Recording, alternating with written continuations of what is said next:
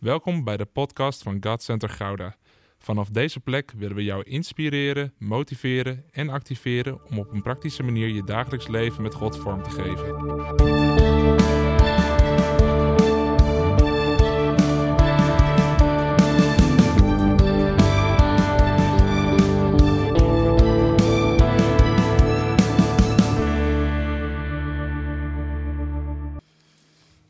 Yes, goedemorgen allemaal. Nog net morgen, nog net ochtend. Fijn, goed dat je er bent. Nou, als je helemaal aan het aanbidden bent, dan kun je eigenlijk, je eigenlijk maar doorgaan. Of eh, ben ik de enige? Toch? Dat, ehm, Ik zet hem even zo neer. Yes. Dank jullie wel. Nou ja, Niels en Isabelle, die, eh, die kunnen er ook wat van. Ik was op een bruiloft van de, van de zomer. In ju- juli. Juni. juni. Ehm, en ehm, toen, eh, nou ja, als je het hebt over aanbidding en eh, een stukje hemel op aarde, dat was zeker daar zo. Ik heb een hoop trouwdiensten meegemaakt, maar deze duurde ongeveer drie uur. Dus ja, dat, ja soms zeggen ze, ja, we moeten stoppen vanwege de tijd. En we hadden gezegd, we gaan niet stoppen vanwege de tijd, dus we doen het gewoon helemaal. En je kunt zelfs nog online terugkijken, volgens mij. Hè? Hij staat nog online. Dus eh, super, dank jullie wel. Ook voor jullie hart en dat jullie ons, ons hebben meegenomen in aanbidding. Wie, wie heeft de preek van vorige week gehoord? Kijk, een heel aantal mensen, geweldig. En daar had eh, Jeroen had daarin drie V's. Weten we ze nog? Oeh, dan wordt dit wat, eh, wordt dit wat stiller, hè, de cel. Ja, dat is ook een hele flauwe vraag natuurlijk. Maar hij had drie V's. Hij had vastbe, vastberaden, vrijheid en volwassenheid. Oh lord. Yes. Hij had vastberadenheid, vastberaden, vrijheid en volwassenheid. Dat is natuurlijk heel flauw, hè? Dus ik heb het ook nog even teruggekeken. En dacht, oh ja, wat was het? Maar ja, zo probeer je als spreker probeer je toch hè, de, de drie V's. Nou, vandaag komen de, de drie T's erbij. De natte thee. Dus die komt er vandaag bij. Dus goed opletten. En ehm, over vo- volwassenheid. En eigenlijk wil, ik daar op verder gaan en op aansluiten ook deze ochtend. Ik weet niet, ja, nu ik zelf volwassen ben, tenminste. Ik ben 34, dan moet je volwassen zijn. Hè? Maar dan, dan ga je opeens wel dingen anders zien. Ik weet nog toen ik kind was. ehm, en ehm, eh, toen ik kind was en mijn ouders soms dingen zeiden, dan zeiden ze: Ja, maar Javert, je moet goed luisteren en gehoorzaam zijn. Er zijn er mensen die dat wel eens van hun ouders gehoord hebben. Ja, ja, ja. Maar ja, ik, was, dat- ja, ik dacht, ja, gehoorzaam zijn. Ja, waarom dan? Dat, je, dat, dat je de vraag stelt, ja, waarom? Hè? Dat kan je wel leuk zeggen, maar waar heeft dat nou mee te maken? Waarom? Nou nu ik zelf kinderen heb, snap ik iets beter wat mijn ouders toen bedoelden. Ehm, ik heb, uh, Sif en ik hebben twee eh, lieve schatjes. Dan zeg je het zelf. Ehm, en eh, onze oudste is Janoa, is drie jaar, onze jongste is Sera. En Janoa, die is, eh, die, dat is een heerlijk eh, kind die gewoon lekker aanwezig is. En die vindt het lastig om, om stil te zitten. Ja, ik weet niet van wie ze dat nou precies heeft. Ik denk van de moeder. Maar ehm, die, ehm, ja, die, die, die, die is overal aan het, aan het springen, aan het dansen, aan het bewegen. En, nou ja, dat gaat de hele dag een beetje zo door. Hè? Die huppelt overal lekker heen. Maar dat gebeurt dus overal, dus ook aan tafel.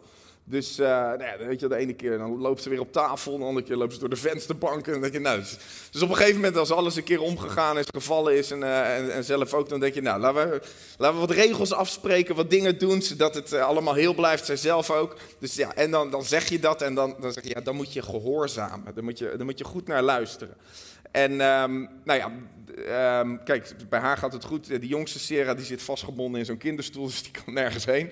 Uh, maar bij haar, ja, dat, dat, dat zeg je dan een keer. Nou, dat hoort ze en dan doet ze dat op dat moment. Maar het volgende moment, ja, dan gaat ze weer, weet je. En nu laatst ook. Was ze een soort van, tijdens het eten was ze denk ik een soort van stoelendans aan het doen in de eentje. En dan sprong ze van stoel naar stoel en dan miste ze een stoel, bam, vol met haar hoofd zo naar voren. En dat je denkt, ah. En dat je eigenlijk als, als vader dan dan denk je natuurlijk van, oh, ik had het toch gezegd, maar je zegt natuurlijk, ach, kom hier, schat. Dat, nou, weet je, die, ik zie echt iedereen kijken, ja. Dat, andere ouders die dat herkennen, die dan wel eens wat zeggen, ja. ja en dan, dat je denkt dan, oh, had nou geluisterd, dan had het, dan had het wat beter gegaan.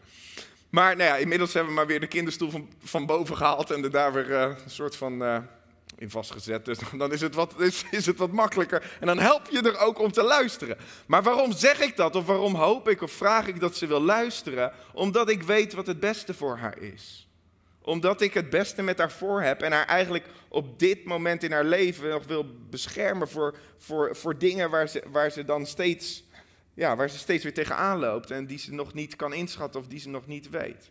Dus als vader heb ik het beste voor met mijn kind en daarom vraag ik of ze wil luisteren.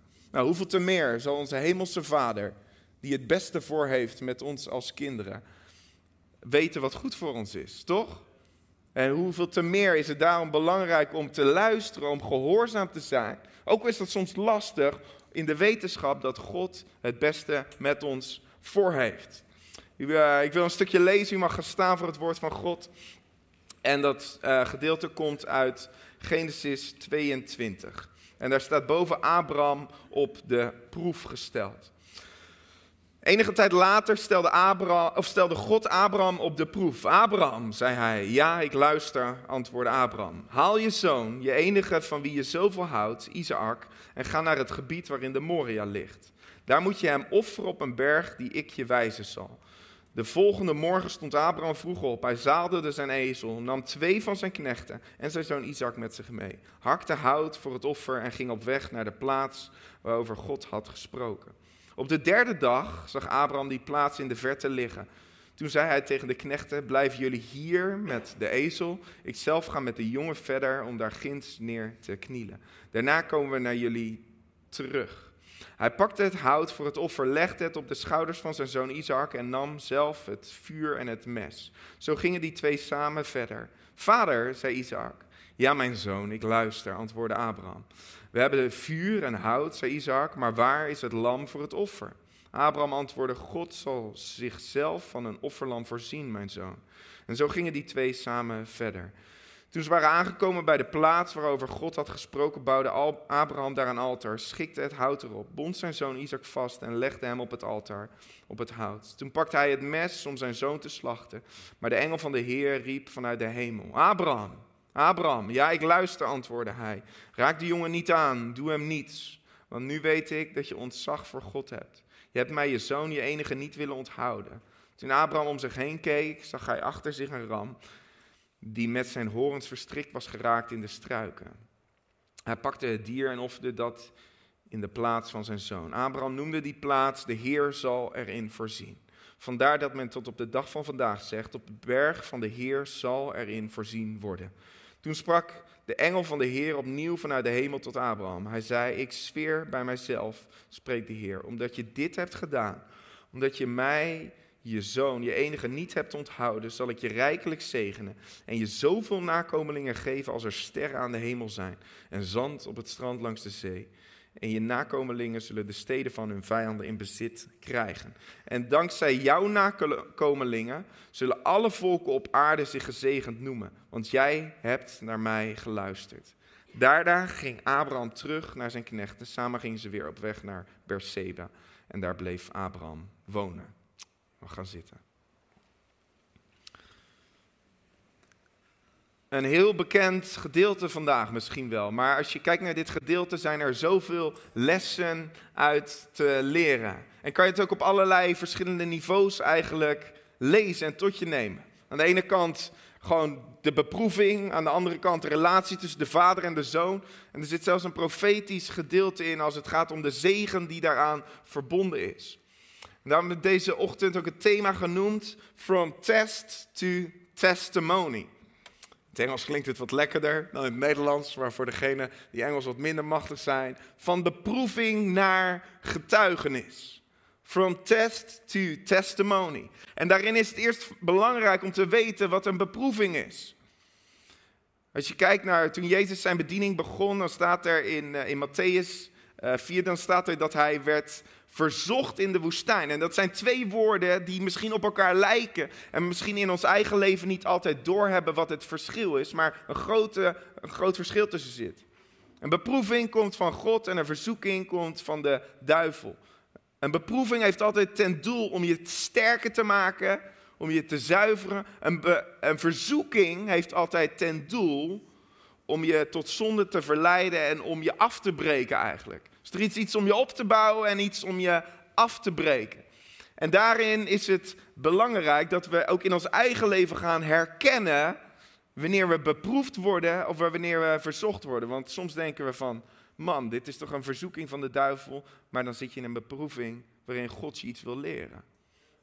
Nou, deze ochtend gaat het over niet een verzoeking, maar een beproeving dat God Abraham beproeft. En niet zomaar, het is geen kleine beproeving, het is een gigantische beproeving.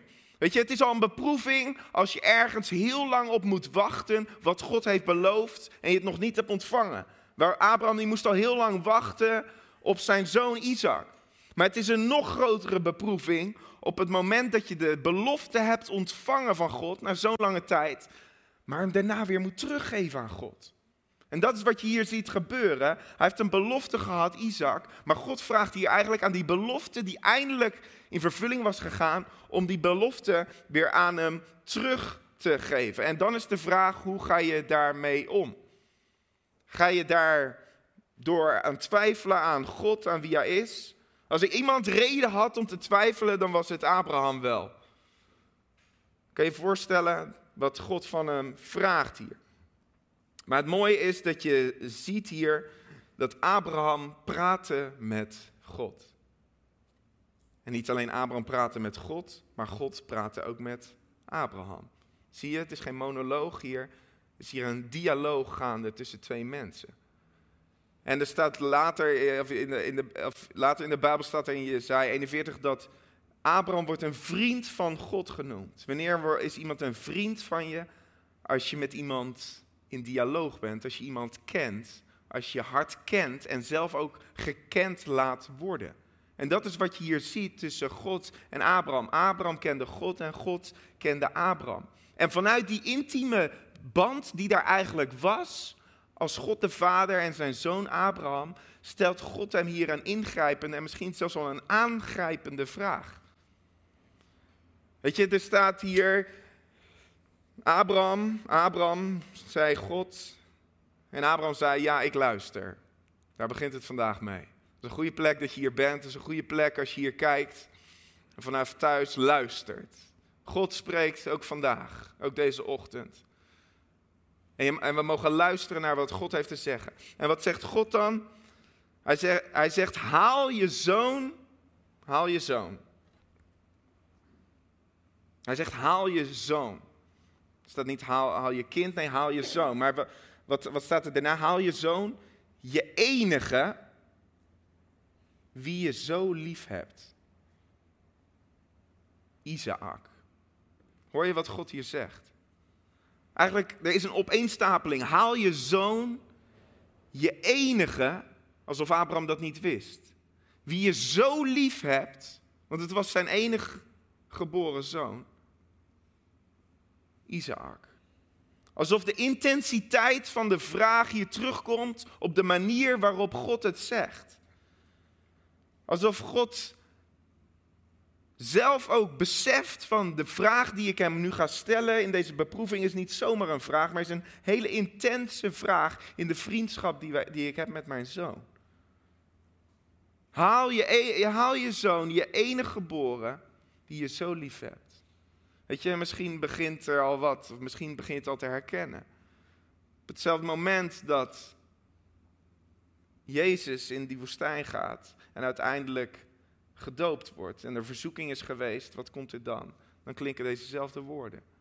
Dit is mijn zoon, mijn enige geboren zoon, in wie ik mijn welbehagen heb. En dat zegt God dan over Jezus. Maar hier zegt God het over zijn, uh, over zijn zoon Abraham.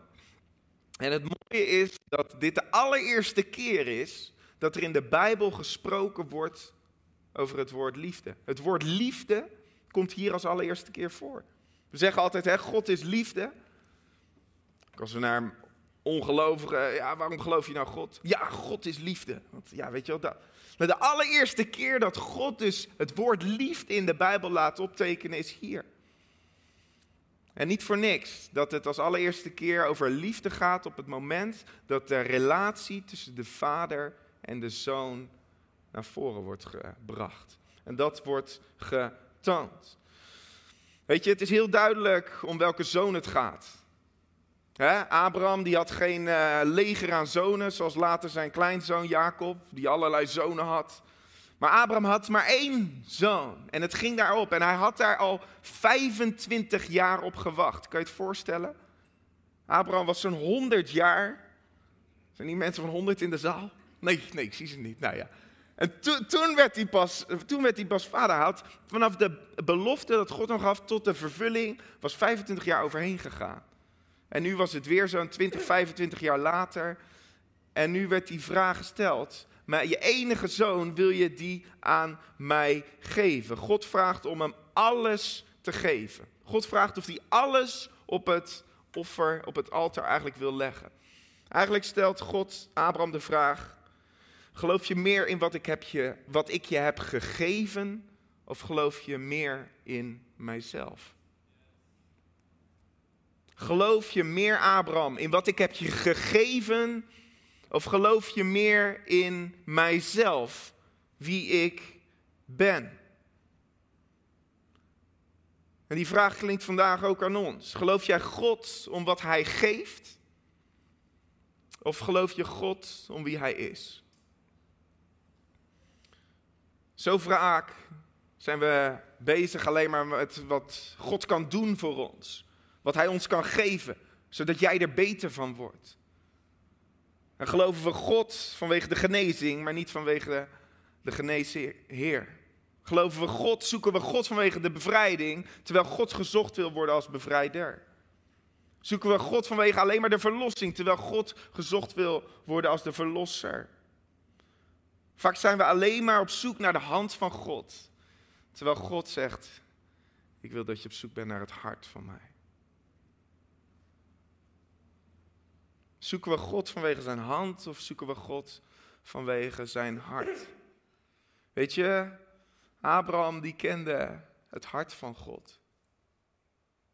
En daarom kon hij ook vertrouwen. Op het moment dat hij alleen maar op de hand van God had gezocht, God alleen maar op de hand had gezocht, had hij God kwijtgeraakt. Waarom raken sommige mensen God kwijt? Op het ene moment staan ze hier en zijn ze al, altijd met God en er gebeurt van alles. En op het moment dat er dan een tijd van beproeving, komt, het is een tijdje stil, de hand van God lijkt op dat moment niet te werken. We raken God kwijt. Waarom? Dat je het hart van God niet hebt gezocht. Dat je het hart van God niet kent. En Abraham, dat gaan we zo meteen ook zien, Abraham kende het hart van God. Hij wist door en door wie God was. En daarom staat er ook niet dat hij begon te twijfelen. Dat is heel bizar. Hij krijgt zo'n intense vraag, maar hij begon niet te twijfelen, want hij kende het hart van God. Weet je, en op het moment dat je alleen maar naar de hand op zoek bent en die hand wordt afgenomen, raken we God kwijt. Maar de Bijbel laat ons zo zien dat het daar niet om gaat. Kijk maar naar Job. Job is ook zo'n voorbeeld. God had hem gezegend vanuit de hand van God en hij had zoveel gekregen en alles werd van hem afgepakt. En er bleef niks meer over en zelfs iedereen rondom hem die zei, is dat nou jouw God die alles heeft gegeven, maar hem ook weer heeft afgenomen?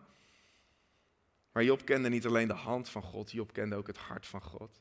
En Job zei, de naam van de Heer zij geloofd en geprezen, want de Heer geeft en de Heer neemt. Maar zijn naam zij geprezen. Ken je het hart van God? Of ken je alleen de hand van God? In beproeving gaat het altijd om het kennen van het hart van God. Als je op dit moment door een beproeving heen gaat, en er zijn hier mensen die op dit moment door een beproeving heen gaan en het voelt zwaar. Misschien zit je wel thuis op de bank en voelt het leven waar je op dit moment doorheen gaat echt als een beproeving. Weet je, God is altijd op zoek naar jouw hart. God is altijd op zoek naar harten die verlangen naar hem uitgaat. Dan gaan ze op weg. En dan staat er dat ze op weg gaan naar de berg Moria. Weet je, de berg Moria is een plaats waar David later een offer zal brengen. En waar Salomo, de zoon van David, uiteindelijk de tempel zal bouwen. Ook zo'n mooi beeld wat hier in dit verhaal zit. Dat de tempel, dus een beeld waar, waar de gemeente samenkwam, dat is een beeld van het samenkomen van de gemeente. Dat dat gebouwd is waarop alleen maar op het volbrachte offer wat daar werd gebracht. Op het volbrachte werk van Jezus. De reden dat we hier vandaag samen zitten, is om datgene wat we net met het avondmaal hebben gevierd. En dat zien we ook hier in dit verhaal, zien we dat weer terug. En op de derde dag zag hij dan die plaats, Moria. De derde dag, het spreekt ook al van de opstanding, maar daar was Abraham op dat moment nog niet.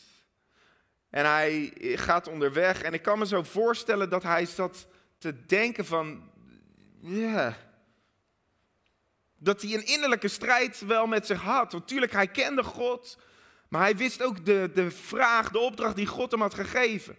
Weet je, er staat nergens in de Bijbel um, dat, hij, dat, dat hij zijn zoon misschien moest offeren. Of dat hij net niet was geofferd. Nee, er staat overal in de Bijbel. Abraham offerde zijn zoon als dat het gebeurde. Dat is, de, dat is de hele kern van het verhaal. Het offer dat werd gebracht. En ik kan me zo voorstellen, wat, zal hij gedacht hebben? wij, wij, wij, leven nu in uh, anno 2022 en wij kunnen mooi praten vanuit het, de kennis die we nu hebben. Maar Abraham, die, die, die had dat niet. En er is één ding wat de Bijbel zegt over wat hij wel dacht. Dat staat niet in dit verhaal, maar dat staat in Hebreeën 11. In Hebreeën 11 gaat het over de helden van het geloof. En wat staat er dan? Hij heeft, hij is Abraham, heeft overwogen dat God machtig was hem zelfs uit de doden te doen opwekken. Dus hij liep daar en hij heeft zelfs, hij dacht, als God me zoiets bizars vraagt om mijn eigen zoon te offeren, en ik naar hem luister en ik hem gehoorzaam, die zoon waar al die beloftes aan gekoppeld zijn. Die zoon waarin de zegen gegeven is die God aan mij zou geven. Die zoon waarin eigenlijk alles vertegenwoordigd is voor mijn nageslacht.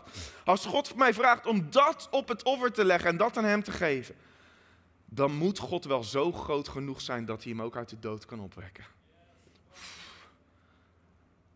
Weet je, hij had niet het voorbeeld van Jezus, die Lazarus uit de dood had opgewekt. Abraham had niet het voorbeeld van het dochtertje van Jairus, of noem het, vul die verhalen maar in van die getuigenissen van mensen die uit de dood waren opgestaan. Het enige wat hij had, wat hij had, was het hart van de vader wat hij kende. En omdat hij het hart van de vader kende, wist hij wat mijn vader me ook vraagt. Mijn vader is te vertrouwen. En als hij mij vraagt, dan gehoorzaam ik. En dan weet ik dat hij, met dat ik gehoorzaam, ook in de voorziening zal voorzien. En dat hij de voorziening ook zal geven. Dit laat het gigantische geloof van God of van Abraham in God zien. En daarom staat er ook in Jacobus 2, vers 21, voor de mensen die meeschrijven, nog eens nalezen. Abraham werd op grond van zijn werken gerechtvaardigd. we zeggen, ja, we worden er niet op wat we doen. Nee, we worden door genade gerechtvaardigd. We zijn kinderen van het nieuwe verbond. Maar Abraham leefde nog in het oude verbond. En wat staat er dan in het vers 22 van Jacobus 2? U ziet hoe geloof en handelen daar hand in hand gaan en hoe het geloof ten volle verwezenlijkt wordt in daden. We zien hier dat het geloof van Abraham, die zo'n groot geloof gaat, dat dat hand in hand gaat met zijn daden. En dat die twee samen een getuigenis worden. Weet je, en zijn geloof blijkt niet alleen uit zijn daden, maar ook uit zijn woorden. Weet je, ik heb dit zijn er mensen die dit verhaal veel hebben gehoord, of wel eens vaker hebben gehoord? Ja, ja, dat wel eens vaker gehoord. Maar je kan zo makkelijk over dingen heen lezen. Zijn geloof blijkt uit twee dingen die hij zegt. Het eerste zegt hij tegen zijn knechten. Hij weet de opdracht die hij heeft om zijn zoon te offeren. En wat zegt hij dan na twee dagen? Blijven jullie maar hier achter. Ik ga samen met Isaac, met mijn zoon, ga ik verder wat om daar neer te knielen en te aanbidden. En daarna komen we weer terug. Hij wist wat er ging gebeuren, maar hij kende zijn God zo goed dat hij in geloof kon uitspreken. Omdat hij zijn God kende, het hart van zijn God kende, dat hij samen terug zou komen met zijn zoon. En hij zegt het niet alleen tegen die twee knechten, maar hij zegt het ook tegen Isaac zelf. Want Isaac die vraagt op een gegeven moment, die denkt, hey, pa, we hebben wel vaker gebarbecued. En toen hadden we ook een, we hadden wat hout, we hadden wat touwen, hè. maar we hadden ook een uh, lekker stukje vlees. Hè. Waar, is dat nou? Uh, dus hij, hij, vraagt, vader, waar, waar is het offerlam? We gaan een offer brengen. We hadden wel vaker waarschijnlijk offers gebracht. En Abraham die weet wat er staat te wachten. Maar hij zegt, de Heere zelf zal in een offerlam voorzien. Hij kent zijn God zo goed, hij kent het hart. Die tegen zijn zoon zegt, God zal voorzien. Weet je, hij wordt ook wel de vader van het geloof genoemd. Vader van vele volken. Ik denk dat dit verhaal misschien nog ineens ten diepste er staat voor Abraham zelf, maar misschien nog wel steeds meer voor ons. Waarom? Want Abraham kende God en God kende Abraham. Maar wat, wat, wat vertelt dit geloof ons? Want Abraham is gehoorzaam en hij gaat verder. Hij bouwt dat altaar. En hij maakt het. Weet je, vaak staat in de kinderbijbel of staan er, als er plaatjes bij staan, dan zie je Abraham als oude man. Nou, die was ook uh, vrij uh, bejaard. Um, en dan zie je daar zo'n jong mannetje naast staan. Maar weet je, Isaac was geen jong mannetje meer. Isaac was een volwassen vent. Hij was waarschijnlijk ergens tussen de 25 en 35 jaar oud. Dat was een volwassen man. En wat staat er dan over Isaac? Niet zo heel veel. Maar Isaac, die, nou, was een jonge man, die was in de kracht van zijn leven. Kan je voorstellen dat ze samen dat altaar klaarmaken. En dat Abraham dan zegt, Isaac, jij, jij bent het offer. Jij bent het offerlam. En wat deed Isaac? Die ging niet uh, potje vechten met zijn vader. Of die begon niet te schreeuwen. Of, uh, of, die, of die hij had weg kunnen rennen waarschijnlijk. Abraham er achteraan op zijn 100 jaar. Nou, dat zou niet zo hard gegaan zijn, weet je. Dus ja, hij had weg kunnen lopen. Hij, hij had gewoon. Uh, maar alles, nee, dat alles deed hij niet. Waarom? Omdat de zoon was gehoorzaam aan zijn vader. En hij wist, als mijn vader van mij vraagt om dit te doen, dan wil ik gehoorzaam zijn. Waarom? Omdat Abraham en Isaac elkaar waarschijnlijk ook kenden. Abraham kende Isaac en Isaac kende Abraham. En zo werd Isaac als een lam ter slachting geleid. En werd de zoon daar op het offer gelegd. Zover dat Abraham op een gegeven moment dat mes pakt en het opheft. En hij zijn zoon wil offeren. En dan, dan klinkt er een stem. En dan klinkt er een stem die zegt: Abraham, Abraham. Weet je, er staat de stem van de engel van de Heer. En dat is de Heer Jezus. De Heer Jezus. Die zegt: Abraham, nee, doe dat niet. De Heer Jezus, die later zelf als een lam ter slachting wordt geleid. De Heer Jezus die zelf aan een kruis hangt en dan roept naar de hemel. Maar waar geen stem komt, sterker nog, waar de hemel zwijgt. De Heer Jezus, die het volmaakte offer gaf, spreekt hier tot Abraham en zegt: Doe het niet. Doe het niet, want nu heb ik gezien dat je mij hoger hebt staan in wie ik ben dan wat ik doe en wat ik geef. Nu heb ik gezien dat mijn hart kennen belangrijker is dan mijn hand. Nu heb ik gezien dat alles wat je hebt uitgesproken, dat het ook realiteit is en wordt in je leven. En wat gebeurt er dan? Abraham krijgt alles terug. Hij krijgt terug wat hem was afgenomen, omdat hij gehoorzaam is. En wat staat er dan? Er zit een ram vast in de struiken. Weet je, als ik daarover nadenk, dan denk ik, ja, dat, hele gebeuren was daar niet gaan en opeens kwam er, meh, of ik weet niet wat een ram doet, nou waarschijnlijk ook wel, maar kwam opeens zo'n schaap, zo'n ram met horens aangelopen en die, weet je, die kon aangelopen, hé, hey, ik ben er.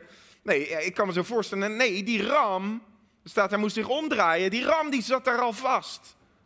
De voorziening voor Abraham, voor het offer, dat was al lang daar op het moment van de beproeving. De voorziening van God in jouw leven. Hoe hard het ook stormt in je leven. Hoe hard het ook tekeer gaat in je leven. Hoe zwaar die beproeving misschien ook is. Gods voorziening is al in je leven. Maar vaak zien we dat niet, omdat dat, we dat pas zien als we omdraaien. En er doorheen zijn gegaan en dan zien, hé, hey, Gods voorziening was er.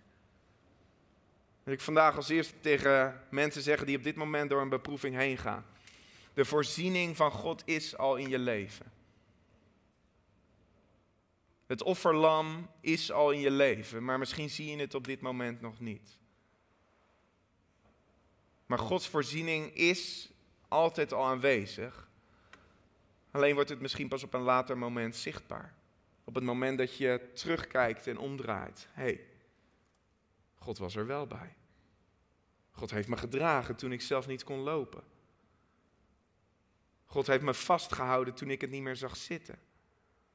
God heeft naast me gestaan toen ik dacht dat ik alleen was.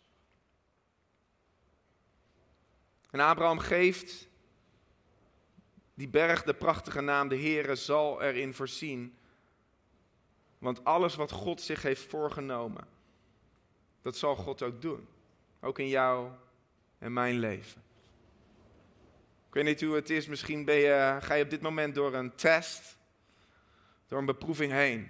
Afgelopen jaren waren voor mij en voor Sifra mij ook wel eens een beproeving. We zijn muzikanten, we leven van de muziek. En uh, op een gegeven moment uh, hadden we net een nieuw album uitgebracht met Insalvation. We hadden een jaar aan gewerkt.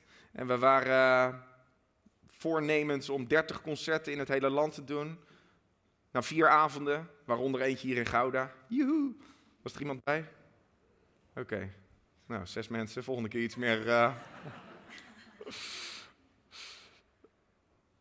werd het allemaal afgezegd. En het ging, maar goed, we pakten het door en we dachten, nou, we gaan wat anders doen. Dus we, we gingen een online academy doen, waarin we mensen meenamen in het verhaal van Exodus. En uh, een stukje onderwijs, een stukje aanbidding. Uiteindelijk waren zo'n 400 mensen in het hele land die meededen. En het was, het was mooi en allemaal getuigenissen. En uh, nou, het jaar ging verder, 2021 begon. Ik dacht, gaan weer beginnen. Weet je wel, de vorige was een succes, laten we het nu weer doen. En, uh, want ja, als het de vorige keer goed was, dan uh, zal het nu ook wat doen. Dus we alles weer uh, klaargemaakt, nieuw onderwerp, nieuwe muziek. nou, een stuk of tien man, die, vijftien man die meewerkten. En ook weer werk voor de komende drie, vier maanden, want we hadden ook niks en we gingen ermee bezig. Maar hoe dichter we bij die datum kwamen dat we het allemaal zouden gingen doen, hoe, hoe een beroerdig gevoel ik in mijn buik kreeg. Ik dacht, ja, wat, maar ik dacht, ja, maar het is allemaal goed. Weet je, we gaan mensen bereiken, het is goed, het is goed. Maar hoe dichter we bij kwamen, en het kwam zelfs zo dichtbij dat ik dacht, ik moet het niet doen. Ik moet het niet doen, maar eerst durfde ik die stekker er niet uit te trekken. Want dan dacht je, al die mensen die werk hebben en die dan weer geen werk hebben. Tot het moment dat ik zei, jongens, ik, ik, ik, ik, ik weet het niet. Ik heb een onheimlich gevoel. Ik weet dat dat de Heilige Geest is en dat God eigenlijk zegt, ja, je moet het niet doen. Dus ik, ik zei, ja, sorry, het spijt me, maar ik trek de stekker uit. Ik weet niet wat de komende drie, vier maanden gaat doen. Maar ik weet dat ik het niet moet doen. En het was alsof er echt wel, een, vooral die weken daarvoor, een beproeving van, ja, kan ik dat nou wat doen? Maar ik probeerde mijn hart te laten zien naar de mensen waar we mee samenwerkten. Dag nadat ik de stekker er had uitgetrokken, werd ik gebeld door een voorganger uit Rotterdam. Die zei, we hebben een bijbelschool en onze twee, twee van de vier stafleden die zijn ziek geworden. Twee, één ligt er in coma in het ziekenhuis en die is komende maanden uitgeschakeld. Nou, hij zei, we, nou ja, we moesten aan jou denken, niet als eerste. Ik dacht, nou, altijd goed, niet als eerste aan jou denken. Goed voor je ego. Maar um, ja, zou je misschien uh, eens langs willen komen om te kijken of je de komende drie, vier maanden gewoon tijdelijk zou kunnen invallen als staflid. Ik heb uiteindelijk de drie, vier maanden van mijn leven van het jaar gehad. Waarom? Ik, ik, mocht daar alles doen wat ik de afgelopen jaren heb uh, gedaan. Van onderwijs tot aanbidding leiden, tot nou, noem het allemaal maar op. Gods voorziening was al in mijn leven, maar ik zag het niet tot, het moment dat ik gehoorzaam wilde zijn aan wat God mij eigenlijk vroeg. En zo is het vandaag de dag voor jou en mij ook. Als wij willen gaan from test to testimony, dan zit er een stap tussen. Wie wil er een getuigenis hebben?